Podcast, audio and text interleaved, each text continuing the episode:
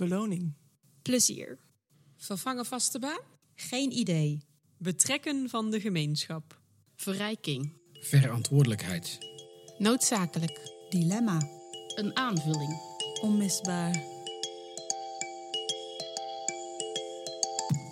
Droombeeld van Cubus is dat iedereen volwaardig deelneemt aan onze maatschappij.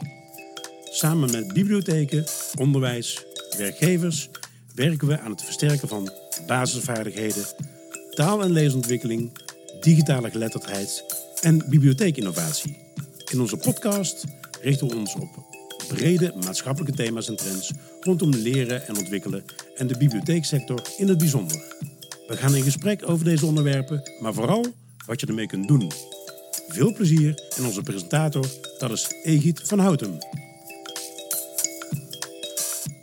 Het heeft even geduurd, beste luisteraars, maar welkom terug bij de Cubus Podcast. Na de enthousiaste eerste reacties op onze podcast is het net zoals bij zoveel bands altijd lastig om met die tweede plaat te komen, want wat waren de verwachtingen hoog gespannen. Maar vanaf nu kunnen jullie regelmatiger van onze afleveringen verwachten. Dit keer nog vanaf een zolderkamertje met een beetje zoemende airco, maar binnenkort vanuit het nieuwe innovatielab bij Cubus in Tilburg. En natuurlijk in het veld, bij, met en voor bibliotheken. Laten we snel aan tafel gaan. Hier met een aantal cubisten, want vandaag gaan we het hebben over vrijwilligers. En we beginnen met Yvonne van den Berg, die zich onder, bezig, onder meer bezighoudt met taalhuizen en taalvaardigheid. Yvonne, welke trend zie jij op het uh, vlak van vrijwilligers? Um, ja, uh, wat ik in ieder geval mee heb gekregen, want ik, uh, ja, vanuit het project Versterken Taalvaardigheid werken wij met name met taalhuisvrijwilligers. Ja. En uh, dat zijn ofwel vrijwilligers van de bibliotheek, ofwel van een welzijnsorganisatie of een, ja, een ouderenbond. Um, het signaal dat ik onlangs nog meekreeg is dat er meer verloop is in taalhuisvrijwilligers, omdat ze ook steeds makkelijker een betaalde baan vinden. Dus dat is op zich natuurlijk een mooie ontwikkeling. Maar dat, uh, als je dan terugkomt van vakantie en uh, bijna al je taalvrijwilligers hebben een betaalde baan gevonden, dan moet je daar wel heel snel op gaan acteren. Ja. Dus uh, dat lijkt me wel een, een, een uitdagende klus. Yvonne, zie jij behalve een, een hoger verloop nog andere trends in, in de taalhuizen, in, bij bibliotheken als het gaat om taalvaardigheid en vrijwilligers? Um, ja, er komt natuurlijk steeds meer aandacht voor laaggeletterdheid. Uh, het is nog steeds een uitdaging om de doelgroep te bereiken. Uh, de, de echte NT1-doelgroep, dus de autochtone Nederlander. Je mag het niet meer zeggen, maar ik vind het altijd wel het beste de lading dekken. Uh, maar er komt wel, ja, we vinden ze wel steeds beter. Nog steeds niet super, maar wel steeds beter. Dus er komt steeds meer vraag naar ondersteuning op het gebied van taal. En uh, dat kan via het formele traject. Dus dan kun je een, een, een, taaltraject bij een ROC volgen. Maar het informele traject wat bij bibliotheken en taalhuizen loopt, is uh, minstens net zo belangrijk. Dus er komt een steeds grotere vraag. Uh, dus als vrijwilliger word je ook steeds belangrijker daarin. En dat kan zijn in het begeleiden van ja, taalgroepen, taalcafés. er komt steeds meer behoefte. Dus je kunt als taalvrijwilliger steeds meer betekenen. Het is natuurlijk mooi dat die vrijwilligers een, een heel betekenisvolle plek hebben gekregen. Maar is het niet ook belangrijk in die strijd tegen laaggeletterdheid dat we meer professionals in, inzetten? Uh, ja, dat, uh, wordt, ja, dat is heel erg belangrijk. Er is sowieso in bibliotheken, was er vroeger altijd echt wel een, een opleiding, echt specifiek op, op taalbegeleiding. ook voor professionals. die is wegbezuinigd in het verleden en eigenlijk zou die weer terug moeten komen. En daar wordt al jaren voor gelobbyd. Maar dat is wel een dingetje. En ja, ook bij ROC zijn er heel veel wachtlijsten. Dus daar is wel iets voor te zeggen. Maar ik denk dat die combinatie van professionals en vrijwilligers... Uh, dat dat wel echt een belangrijke is. Ja. Dat je niet alleen met professionals er komt. Ja. Want je moet dat informele stuk toch ook echt wel handhaven. En daar heb je die taalvrijwilligers heel hard voor nodig. Ja. Dankjewel Yvonne. Jij zit hier niet alleen. Naast jou zit Hans Klink, uh, onder andere uh, HR bij uh, Cubus HRM Advies. Um, die spanning tussen professionals en vrijwilligers, is dat iets wat, wat, wat veel voorkomt? Is, is dat een, een belangrijk thema? Ja, dat is wel vaak een thema. dat blijkt ook uit onze gesprekken die wij voeren met diverse bibliotheken. bibliotheken hè, die zijn begonnen als vrijwilligers, bijvoorbeeld in zo'n taalhuis, hm. omdat het nodig was. Die hebben nooit nagedacht waarom werken we dan met uh, vrijwilligers. Mm, en zijn als... er gewoon mee begonnen? Ja, klopt. Ja, zijn gewoon begonnen. Heel praktisch aan de slag, want er moest gebeuren. Op basis van een dus, behoefte uh, waarschijnlijk. Klopt, ja, klopt. Ehm, ja, dus dat verhaal is veranderd. Ehm, en dan is ook nog een tweede slag. eh, hoe, hoe, hoe trek je daar de medewerkers in? Is het voor de medewerkers wel duidelijk eh, waarom, mede, eh, waarom er vrijwilligers zijn en wat die dan precies doen, wat niet? En eh, ja, dat levert wel eens een spanningsveld op, ja. Vanuit de innovatie houdt eh, Lonneke Jans eh, zich ook heel erg bezig met eh, vrijwilligersbeleid. Klinkt dit jou eh, bekend in de oren, Lonneke? Eh, eerst beginnen en dan pas denken aan strategie? Die volgt daarna. Het gaat inderdaad om die, die noodzaak, die vraag, behoefte was er. Eh, dus het was ook nodig om te starten. En dat kan ook klein starten. Zo, zo is het bij de meeste bibliotheken gegaan. Daar zijn eerst tien eh, vrijwilligers die op een eh, aantal onderdelen eh, meehelpen. Eh, die aantallen groeien flink. Bij, de bij de meeste bibliotheken is het aantal vrijwilligers nu groter dan het aantal betaalde medewerkers. Ehm, dus dan moet daar ook iets gaan veranderen in de aansturing, coördinatie, planning. Ehm, en dat is een, punt waar nu ook veel bibliotheken eh, voor staan. Of, of een aantal ook al die, dat, die die stap gemaakt hebben. David Bul, ook cubist, maar ook eh, actief in de themagroep eh, vakdeskundigheid. Kan ik nou voorkomen dat ik een, eh, een vrijwilligerscoördinator heb die straks overspannen is? Want de, de druk is hoog. Wat je inderdaad ziet, wat Lonneke en Hans ook al zeggen, er zijn veel meer vrijwilligers gekomen. En dan moet je dus, net als bij je betaalde personeel, een personeelsbeleid voor hebben. Dus als je weet wat mensen boeit, als je weet hoe lang ze willen blijven, als je de juiste mensen op de juiste plek zet. Dus er zijn ook heel veel verschillen in wat voor soort vrijwilligerswerk wil je nou doen. En als je als taalvrijwilliger bent, dan weet je waar je voor staat. Dat is een vrij solistisch verhaal. Eh, da- eh, als je weet wat die mensen willen, dan eh, weet je dat er een keer een, een uitstroom komt. En moet je dus heel erg eh, goed nadenken, waar haal ik eh, de nieuwe mensen vandaan? En eh, je werving en selectie daarop eh, op aanpassen. Dus ook vooruitdenken. Ja, zijn, zijn er goede voorbeelden? Hans en, eh, en eh, Lonneke, jullie zijn er op, ook op pad geweest. Eh, hierop aansluitend. Ja. Nou, als je kijkt, ehm, ik heb een gesprek gehad met Cyril en Celine bij Biblio Plus. Ehm, zij zijn de eerste bibliotheekstichting in Nederland ook die het keurmerk goed geregeld heeft, heeft behaald. Eh, wat eigenlijk, dat keurmerk laat eigenlijk zien dat je de, je zaken, eh, zowel strategisch als operationeel, goed op orde hebt. Als het gaat over het werken met vrijwilligers. Ehm, en eh, ehm, ja, de wijze waarop zij dat aangepakt eh, hebben, met ook eh, ehm, het herzien van, van het vrijwilligersbeleid daarbij, zeg maar, het hele pakket, eh, laat wel heel mooi zien hoe die eh, volgende stap eruit ziet. Of hoe die er heel goed uit kan zien. Goed, laten we even naar luisteren.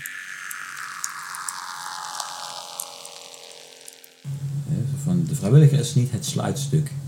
Zo van, ja, Nee. we doen dingen.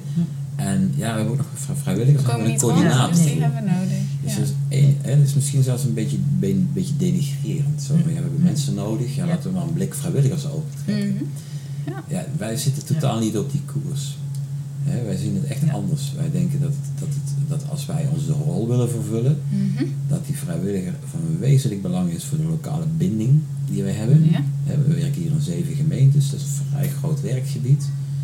Eh, ehm, en ehm, daarnaast, ja, die mensen brengen expertise en passie binnen, hè, die wij met onze 24 FT, Ja. FTE Niet. ja, ook niet allemaal kunnen behappen, zeg maar.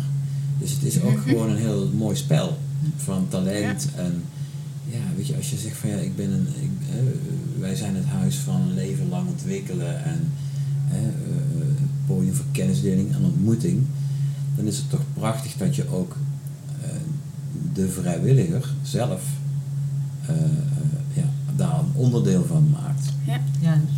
Ik vond het heel interessant om te horen van eh, eh, Cyril en Celine eh, hoe zij daar bij BBO Plus mee, mee omgegaan zijn, waarom zij die keuzes hebben gemaakt ook. Ehm, Hans, ik begreep dat jij daar ook laatst eh, een gesprek over hebt gehad. Klopt, ja. Ik ben eh, op bezoek gegaan bij de Bibliotheek Rotterdam, bij Corine Griep. Die is eh, vrijwilligerscoördinator van de Bibliotheek Rotterdam. En die, ja, die heeft mij het volgende verteld over het beleid en het faciliteren van vrijwilligers. waaronder die coördinatorrol. Luister mee. Ik ben uh, Corine Griep, ik ben vrijwilligerscoördinator sinds twee jaar bij de Bibliotheek Rotterdam. Uh, dat is een nieuwe functie, toegevoegd hebben uh, aan de afdeling HRM, omdat ze het belang van vrijwilligers heel groot vinden. Mhm. Eh, en daarin eh, ben ik bezig om eh, te werken met de medewerkers en de vrijwilligers. Om ze te ondersteunen, te faciliteren. Mhm. Daarbij vind ik zelf echt heel belangrijk van het sociaal-maatschappelijke stuk waar wij op zitten met vrijwilligers. En zo zie ik ook veel meer mijn functie ook. ehm, dat wij, wij zijn de bibliotheek van Rotterdam. En wij willen een bibliotheek maken voor Rotterdam waar Rotterdammers blij van worden. En het is samen met de, met de Rotterdammers en het is voor de Rotterdammers. En hoe pak je dat met elkaar aan? En dat is wel een belangrijk stuk dat die wederkerigheid is van erin zit van wat kunnen wij voor jou betekenen vrijwilliger en wat kunnen we voor betekenen betekenen. Nou, ik vind het echt heel erg interessant te horen dat ze in Rotterdam zo hebben nagedacht over die coördinatorsrol. Eh, wat ik zelf altijd meekrijg als ik met taalhuizen in gesprek ben, is dat het heel erg belangrijk is om eh, die rolverdeling binnen een taalhuis. Dus eh, ja, met welke vragen kan men bij wie terecht, om dat ook op papier vast te leggen. Want je hoort toch heel vaak dat zo'n vrijwilliger dan niet goed weet bij wie, bij wie hij of zij moet zijn. En de vraag dan maar laat zitten. En dat is uiteindelijk natuurlijk niet helemaal goed voor het plezier dat eh, de taalvrijwilliger eh, in zijn vrijwilligerswerk heeft. En ook eh, de binding uiteindelijk die zo'n vrijwilliger voelt met zo'n taalhuis en met de bibliotheek of de welzijnsorganisatie. Zeker. Als je dan ook naar die, naar die binding kijkt. Hè, Ehm, wat ik dan ook wel zie en terughoor van bibliotheken, is dat elk type vrijwilliger eigenlijk ook vraagt om een andere aanpak daarin. Ook, ook bijvoorbeeld in die binding, maar ook in de werving.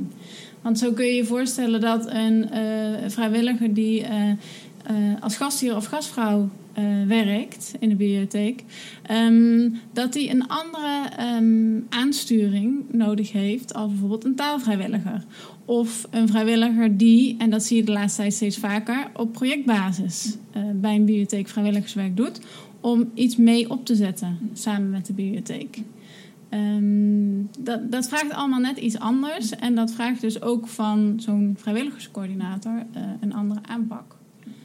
Dat is ook, ja, bij, ehm eh, bij eh, hebben ze daarom ook gezegd van nou, wij hebben, zij hebben niet meer één vrijwilligerscoördinator die alle vrijwilligers aanstuurt. Maar hebben echt gekeken naar ehm, de thema's, de clusters, waar de bibliotheek op werkt.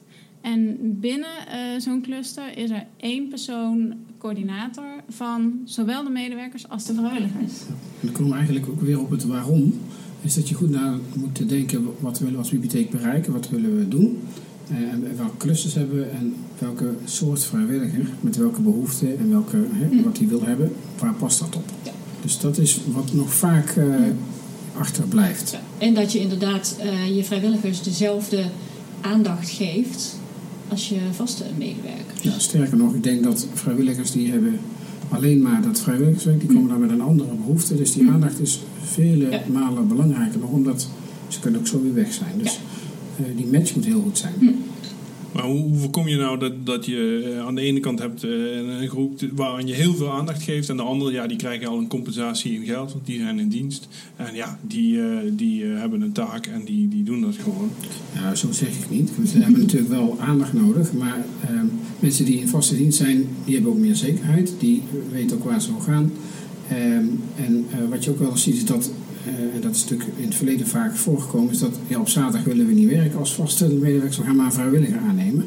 Eh, je moet het juist zo zorgen dat je ook aantrekkelijk werk hebt voor die vrijwilligers. Dus je moet ze eigenlijk gelijk schakelen. Eh, op een lastig dienst kun je iemand gewoon in een dienstverband kun je zeggen, je moet gewoon negen uur werken s'avonds, want daar word je voor betaald. Het, het zit gewoon in je baan. En bij een vrijwilliger moet je toch meer gaan kijken wat past bij hem en waar ligt de behoefte. En matcht die nog? En dat moet je ook elke keer, ja, eigenlijk jaarlijks bekijken van zijn we nog blij met elkaar? Is het werk wat eraan komt eh, nog, eh, past dat nog bij jou? En, ga je dat gesprek nou ook tussen vrijwilligers en medewerkers aan? Want ik kan me voorstellen dat een medewerker misschien wel denkt van ja, eh, die vrijwilligersfunctie die wordt opgeleukt met allemaal leuke taken. En, en, en ik blijf over met klusjes. Ehm, het is ook niet zo dat, dat ehm, vrijwilligers alleen maar het leuke werk hoeven te krijgen. Het is ook niet helemaal vrijblijvend natuurlijk eh, wat zij doen. Eh, en binnen taalhuizen hoor je ook nog wel eens dat een eh, vrijwilliger, eh, die dus echt taalvrijwilliger is en best een afgebakende klus heeft en, en soms ook gewoon een oud-docent is, die een eigen manier van werken heeft, eh, zijn eigen ding doet en zich dan niet helemaal houdt aan wat het taalhuis bedacht heeft. En dat kan natuurlijk ook niet. Dus het Ja, is want hoe niet ga je zo... daar dan mee om? Maar vrijwilligers die, ja, die hebben de taakomschrijving heel, mo- Ja. heel veel moeite gedaan om alles netjes te organiseren. En dan komt iemand die, eh, ja, die gewoon een beetje freewheelen. Ja, ja, dat is dus niet de bedoeling. Eh, ja, ondanks het feit dat je een vrijwilliger graag binnen wil houden als je daar tevreden over bent. Eh, maar daar is ook zo'n coördinator heel erg belangrijk in. Je moet dan met zo'n vrijwilliger toch het gesprek aangaan. Van nou, ik vind het heel fijn dat jij hier vrijwilligerswerk doet. Maar er zijn wel bepaalde kaders waarbinnen je werkt. Mhm. En ik denk dat je met de meeste vrijwilligers dat gesprek ook prima kunt voeren. En dan trek je het ook weer wat meer gelijk met eh, de vaste medewerkers. En dan, dan voorkom je ook dat er misschien eh, wat, eh, wat, wat onvrede komt bij de vaste medewerkers. Maar je ziet het vaak bij eh, eh, omroepen, de, de publie- of, publieke lokale omroepen, is dat mensen daar hun persoonlijke hobby jarenlang voeren. En dat het beleid niet meer bepaald wordt door degene die, eh, waar ze op worden. Dus je moet als bibliotheek wel regie houden. En je moet je verhaal waarvoor je gaat, dat moet je hartstikke eh, ja, voorop stellen.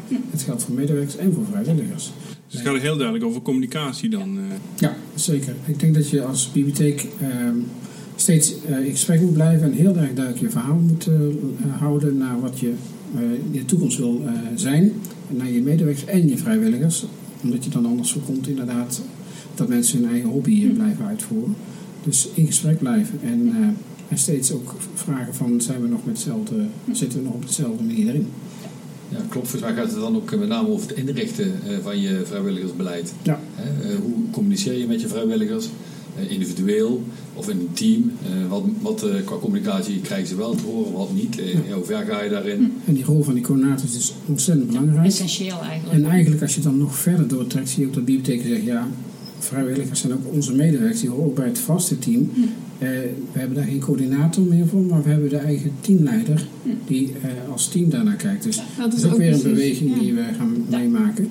Eh, en ja, dan ja, ga je het weer anders inrichten. En want als je dan kijkt naar bijvoorbeeld inspraak, ehm, dat is als je dat helemaal door zou trekken, hè, ehm, dan zou je dat daar medewerkers en vrijwilligers ook gelijk in, in scharen. Ehm, daar had ik het met eh, eh, Cyril en Celine bij BioPlus ook over. Ehm, zij hebben, ehm, zover ik weet, als enige bibliotheek in Nederland, of een van de weinigen in ieder geval, eh, ook vrijwilligers in de OR eh, zitten. En ze hebben dat daarin dus gelijk getrokken. Dus die medezeggenschap van zo'n grote groep in de organisatie is ontzettend bepalend. Het zijn allemaal je ambassadeurs die eigenlijk uitdragen wat de bibliotheek allemaal nog meer doet dan alleen boeken uitlenen. En hoe, eh, hoe loopt dat met de vaste mensen? Gaat dat helemaal goed ook en soepel? Dat is dus een mix eh, in de OR van medewerkers en vrijwilligers. Maar het is eigenlijk leuker nog om te horen wat ze daar zelf over zeggen.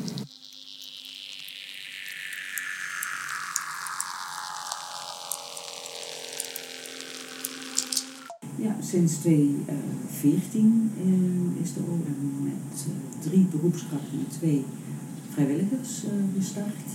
En ehm, ja, we hebben een reglement gemaakt en ehm, heel snel bleek al dat de vrijwilligers zeiden van ja, maar we kunnen wel precies inregelen voor arbeidsrechtelijk eh, gaan wij eh, zeg maar, hè, daar gaan wij ni- niks over zeggen.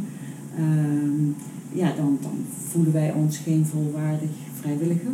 Dus in die OR, dus ja, kijk, willen we dat op alle eh, eh, onderwerpen die voorbij komen eh, gewoon mee kunnen denken. Nou, oké, dat was toen een ding, maar in de praktijk is dat eigenlijk goed gegaan. Ja, je kunt dus zien dat, dat inderdaad het, het betrekken van die vrijwilligers kan dus heel ver tot in de OR eh, gaan. En dat gaat dan eh, blijkbaar heel goed. Eh, dat is een mooi voorbeeld. Als je hier nou mee aan de slag wil, Hans, wat kan ik dan als bibliotheek allemaal doen? Nou, je kunt starten met door met elkaar in gesprek te gaan. En daar hebben wij bijvoorbeeld de VIP-scan voor ontwikkeld. Is de vrijwilliger in beeldscan. En eh, ja, ik kan er heel veel over vertellen, maar ik kan ook Corine Griep van de Bibliotheek Rotterdam er iets over laten vertellen. Leuk.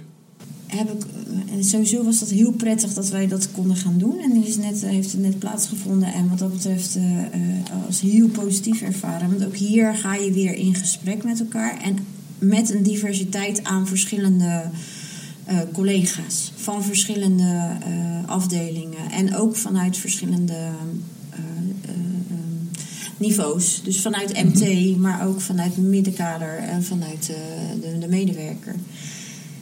En het blijft gewoon belangrijk om te horen van elkaar wat er speelt. En dat was met deze VIP-scan zo mooi. Dat doe je ook wel onderling al met overleg.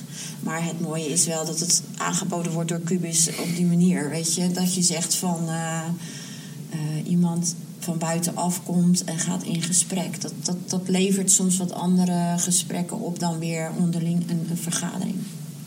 Kijk, dat is natuurlijk leuk om te horen eigenlijk, hè, wat je in één dagdeel eh, met een groepje eh, medewerkers en vrijwilligers al kunt bereiken met zo'n... Zeker. Ja, en wat je dan ehm, eh, iets anders waar, waarvan we merken dat ook belangrijk is, is die uitwisseling tussen de vrijwilligerscoördinatoren. Want zij hebben, ehm, zij hebben die taak of, of functie binnen hun organisatie. Ehm, en zijn daarin, zij doen dat als enige binnen de organisatie. Dus hebben geen rechtstreekse collega's om mee te sparren, mee uit te wisselen.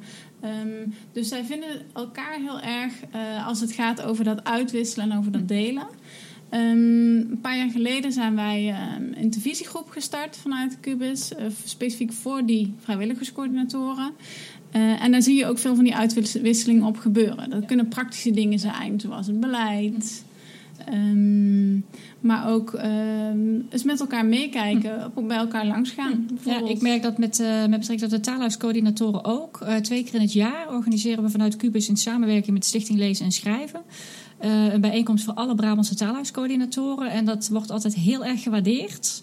De agenda loopt altijd over. Er zijn altijd punten die naar een volgende vergadering moeten. Dus dat, dat, dat leeft echt heel erg. Dus ze vinden het echt heel erg belangrijk om, om bij elkaar gewoon in de keuken te kijken en, en te horen waar anderen tegenaan lopen en hoe ze dat aanpakken.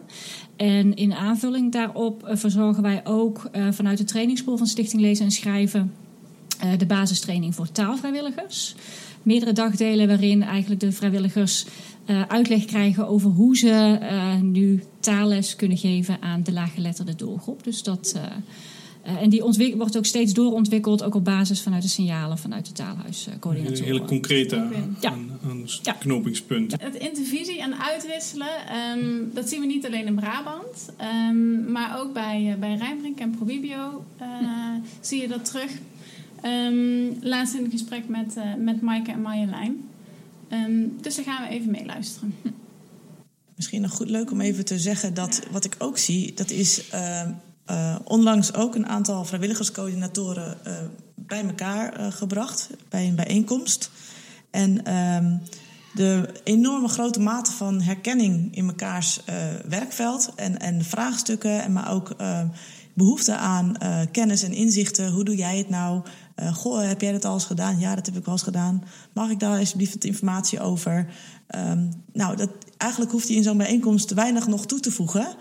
Ehm, dus er is een enorme grote behoefte, omdat deze functie wel steeds eh, vaker in de bibliotheek aanwezig is, maar nog vrij nieuw is, om deze kennis eh, met elkaar te delen.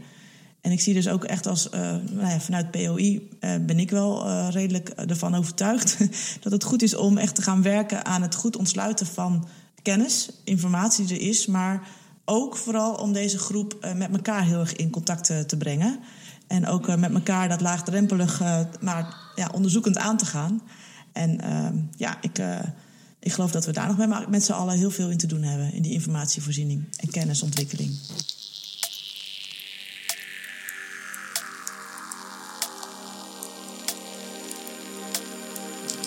Intervisie, heel belangrijk. eh, uitwisselen van kennis. Eh, maar ja, ik, ik heb toch een beetje het gevoel van, van gewoon op de werkvloer. Hoe, hoe ga je met elkaar aan de slag? David, heb jij daar wel eens eh, Ja, in hebben- gedaan? Ja, als Cubus eh, zijn we bijvoorbeeld bij de Nieuwe Nobelaar geweest. Eh, bij de Nieuwe Nobelaar heb je ook een, eh, een taalhuis in eh Etteleur. En eh, daar heb je een taalhuis met eh, allerlei coördinatoren die heel erg enthousiast zijn en heel erg veel met elkaar willen doen, maar elkaar ook nog niet zo goed kenden, kennen. En eh, we hebben daar twee keer een bijeenkomst op georganiseerd. eh, en dat doen we dan het, taal, of het atelier, het werkatelier. eh, om met elkaar de, ja, te kijken van hoe werken we samen, wat vinden we belangrijk en welke talenten zitten er nou in. Zodat je ze ook langer vasthoudt en mensen op hun waarde geschat worden en de dingen kunnen doen die echt bij hen passen. Buiten het feit dat ze nog eh, taalmaatje zijn en ook samen moeten werken. Dus dat, Ja, klopt. Ja. Je bedoelt eigenlijk vrijwilligers en in relatie ook tot de medewerkers die daar eh, exact, zijn. exact, ja. Dus ook de medewerkers hebben daarbij betrokken. Ja. Echt ja. een teamgevoel En- en- eh, moet je dan krijgen ook. Ja. Ja, ik, ik krijg gewoon een beetje het gevoel van, van enthousiasme is meestal niet het probleem. Bij eh, eh, vrijwilligers. En je vindt ze ook nog best goed. Eh, Gelukkig wel. gelukkig wel nog Ja. steeds. Eh, jullie persoonlijk, zijn, jullie, zijn jullie ergens vrijwilliger? Ja, ik, Ja? Ben, ehm, ik ben bijvoorbeeld sinds, wat zal het nu zijn, een half jaar zit ik in het bestuur van de bewonersvereniging, ehm, van de huurdersbewonersvereniging moet ik zeggen. Ehm, eigenlijk om ervoor te zorgen, ik merkte dat eh, als buren eh, kennen we elkaar niet. niet. Niet goed in ieder geval, misschien één buurvrouw die je wel kent. Ehm, maar beter een eh, goede buur dan een verre vriend. Of hoe zeggen ze het ook alweer? Ehm, dus toen dacht ik, nou, daar wil ik wel... ehm, daar wil ik mijn hart van maken. Eh, bij Cubus zelf hebben we ook eh, vorig jaar eh, een, een uitje gehad. En dat was in het kader van vrijwilligerswerk. Dus we kunnen allerlei mooie betaalde uitjes doen. Maar toen zijn we bijvoorbeeld bij een, eh, een huis geweest waar veel eh, dementerenden wonen. En toen hebben we daar een, een middagje allerlei klusjes gedaan. Om eens wat te zien, de wereld van de vrijwilligers en de wereld van die eh, de- dementerende bejaarden. Ja. Dus dat, eh, ja, ja, wat we uitstralen moeten we ook zelf eh, doen, vinden we. Ja. Dus dat was een goed initiatief. Lonneke, wat, wat neem jij mee uit jouw eh, eh, werk bij de buurtbewonerscommissie? Ja, ehm, eigenlijk dat dat eh, kleine beginnen, wat je bij bibliotheken ook heel veel zag, ehm, dat je dat dus gewoon moet doen. En dat het dan daarna wel verder groeit. En dan heb ik het over van, oké, hoeveel buren kun je betrekken bij een activiteit bijvoorbeeld. Maar gewoon doen. En ook al zijn het er maar eh 18, zoals de afgelopen keer. Eh, prima. En dat vertelt zich wel weer verder. En dan groeit dat wel. Ja, is, er, is er iemand vrijwilliger bij een grotere organisatie? Ja, ik ben voorzitter bij ons bij de Heemkundekring en die heeft 100 leden, dus dat is wel een iets grotere organisatie. Ja. En, heb jij eh, als voorzitter daar een eh, vrijwilligersbeleid eh, neergelegd? Nee, nee, heb ik geen vrijwilligersbeleid neergelegd. Wel een eh, beleidsnotitie ben ik aan het eh, schrijven om de, samen met mijn eh, bestuursleden om te kijken van hé, hey, waar staan we nou voor en wat willen we nou in die vier jaar bereiken? Eh, en er komen inderdaad ook een aantal werkgroepen in voor, dus in die zin, eh, en die eh, zijn wel allemaal geënt op vrijwilligers. Ja, want er dat zijn wel. mensen die gepassioneerd zijn met dat thema en Dat iets klopt. willen doen. Ja, dat klopt. Ja, ja nee, ze, staan niet op mijn netvlies, nee, Nee, typisch. nou. Ik ben vrijwilliger bij een radioomroep geweest, eh, waar heel veel vrijwilligerswerk niet al heel lang werkt. En een, een van mijn eh, rollen als voorzitter is van hoe gaan we nou naar het personeelsbeleid kijken en hoe zit iedereen erbij en wat wil iedereen nou en kunnen we dat nou eh, uitlijnen. En wat doen we als iemand eigenlijk iets heel anders wil? Want dan moet je eigenlijk afscheid nemen. Want ja, de organisatie, eh, waar- het belang waar je voor staat, dat, ga- dat is groter dan het eh, individuele belang. En dat- was een lastige tijd, moet ik zeggen. Dus Ja.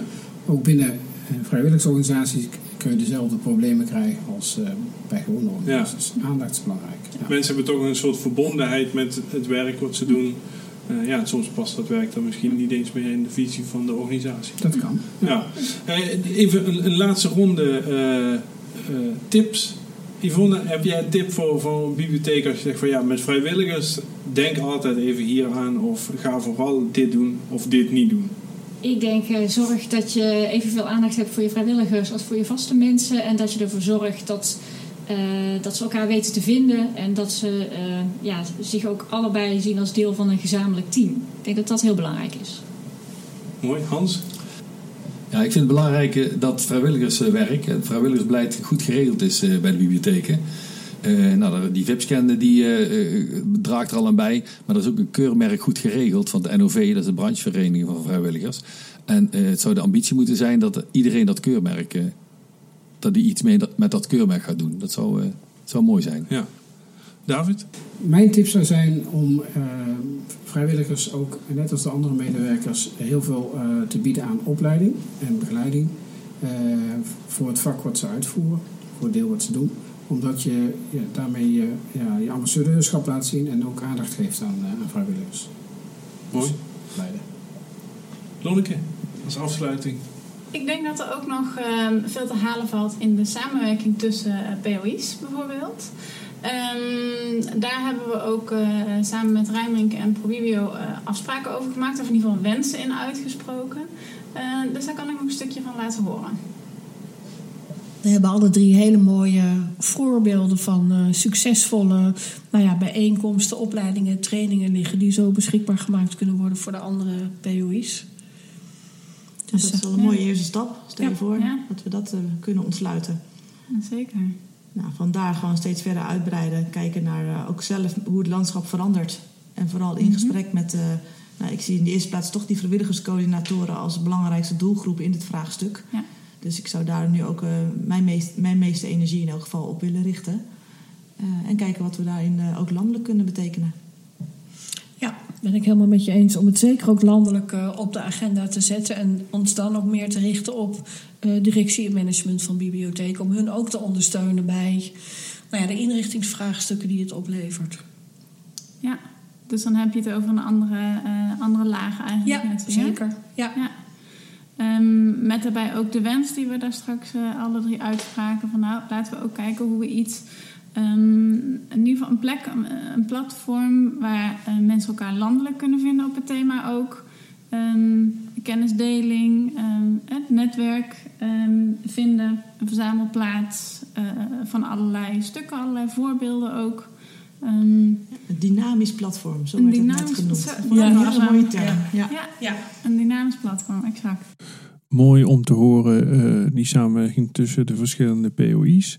Eh, en we sluiten af met nog één echte uitsmijter van Cyril. Ja, uitsmijter. Mijn uitsmijter, de de payoff, ja. ja. ja. Nou, misschien dan zo, hè. wees niet te voorzichtig Ja. hè, met het, eh, eh, het toelaten en, en, en borgen van vrijwilligers eh, in, in je bibliotheek. Maar als je ervoor kiest, ga er dan ook echt volwaardig voor. En eh, kijk er breder naar dan alleen van zeg maar, de factor eh, eh, handjes en voetjes, extra handjes en voetjes. Mhm. Maar kijk ook naar de, de talenten en de passie die die mensen binnenbrengen. En de, de, de wijze waarop je via hen verankerd ra- verder verankerd raakt in die lokale setting. Ja. Ik denk dat dat Ja. gewoon zo een beetje een samenvatting is van waarom wij, wij hier zo intensief met vrijwilligers eh, Ja. zijn gaan werken. Ja. En daarmee zit het er alweer op voor deze tweede podcast. En we leren telkens bij, maar nogmaals excuses voor de geluidskwaliteit. Deze podcast werd gemaakt door Thijs de Groof, Lonneke Jans, Yvonne van den Berg, David Bul en Hans Klink. En onze dank gaat uit naar Cyril Kruits, Corine Griep, Celine van Broekhoven, Maaike Verhoeven en Marjolein Lanninga. In de show notes staan de links naar relevante informatie over vrijwilligerswerk eh, in de Biep en contactgegevens van onze adviseurs. Voor nu bedankt voor het luisteren en tot snel. Ik was uw presentator Egit van Houten en tot de volgende podcast.